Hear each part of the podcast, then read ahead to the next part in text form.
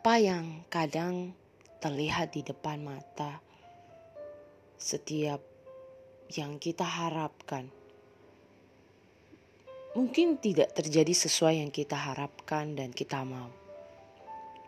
Apa sih bedanya ekspektasi versus pengalaman? Kadang kita sering bertanya kepada Tuhan, Tuhan kenapa seperti ini? Udah punya ekspektasi bahwa saya akan sukses, saya akan dapatkan ini, saya akan bisa punya job, saya akan bisa uh, banyak project segala macam gitu. Tapi kadang ekspektasi yang kita harapkan belum tentu seperti yang Tuhan mau. Namun Tuhan mau kita belajar yaitu punya pengalaman. Kadang dengan ekspektasi kita berharap dan kita merasa kecewa. Kenapa? Tuhan seperti ini, kenapa Tuhan hidup saya hancur, kenapa saya nggak mendapatkan yang saya mau. Tapi kadang ekspektasi yang kita harapkan, sudahkah kita bertanya, itu yang Tuhan kehendaki. Pengalaman, experience, yang mengajari bahwa setiap di dalam kehidupan, setiap perjalanan, setiap keadaan kondisi yang terjadi, Tuhan mau kita belajar menikmati proses dan berjalan bersama Dia dalam sebuah pengalaman.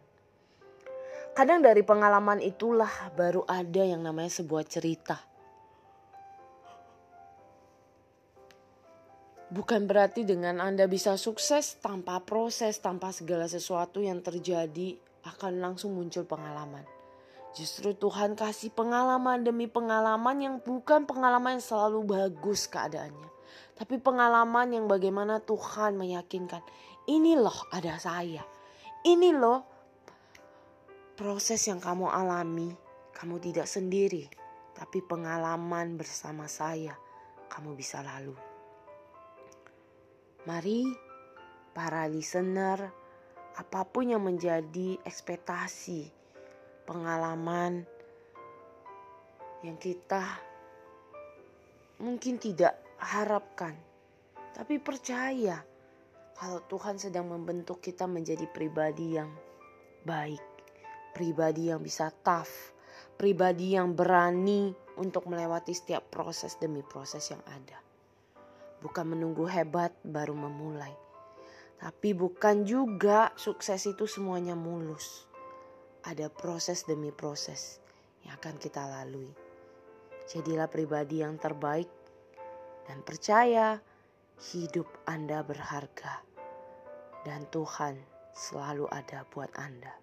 Semangat, jadilah yang terbaik versi kamu.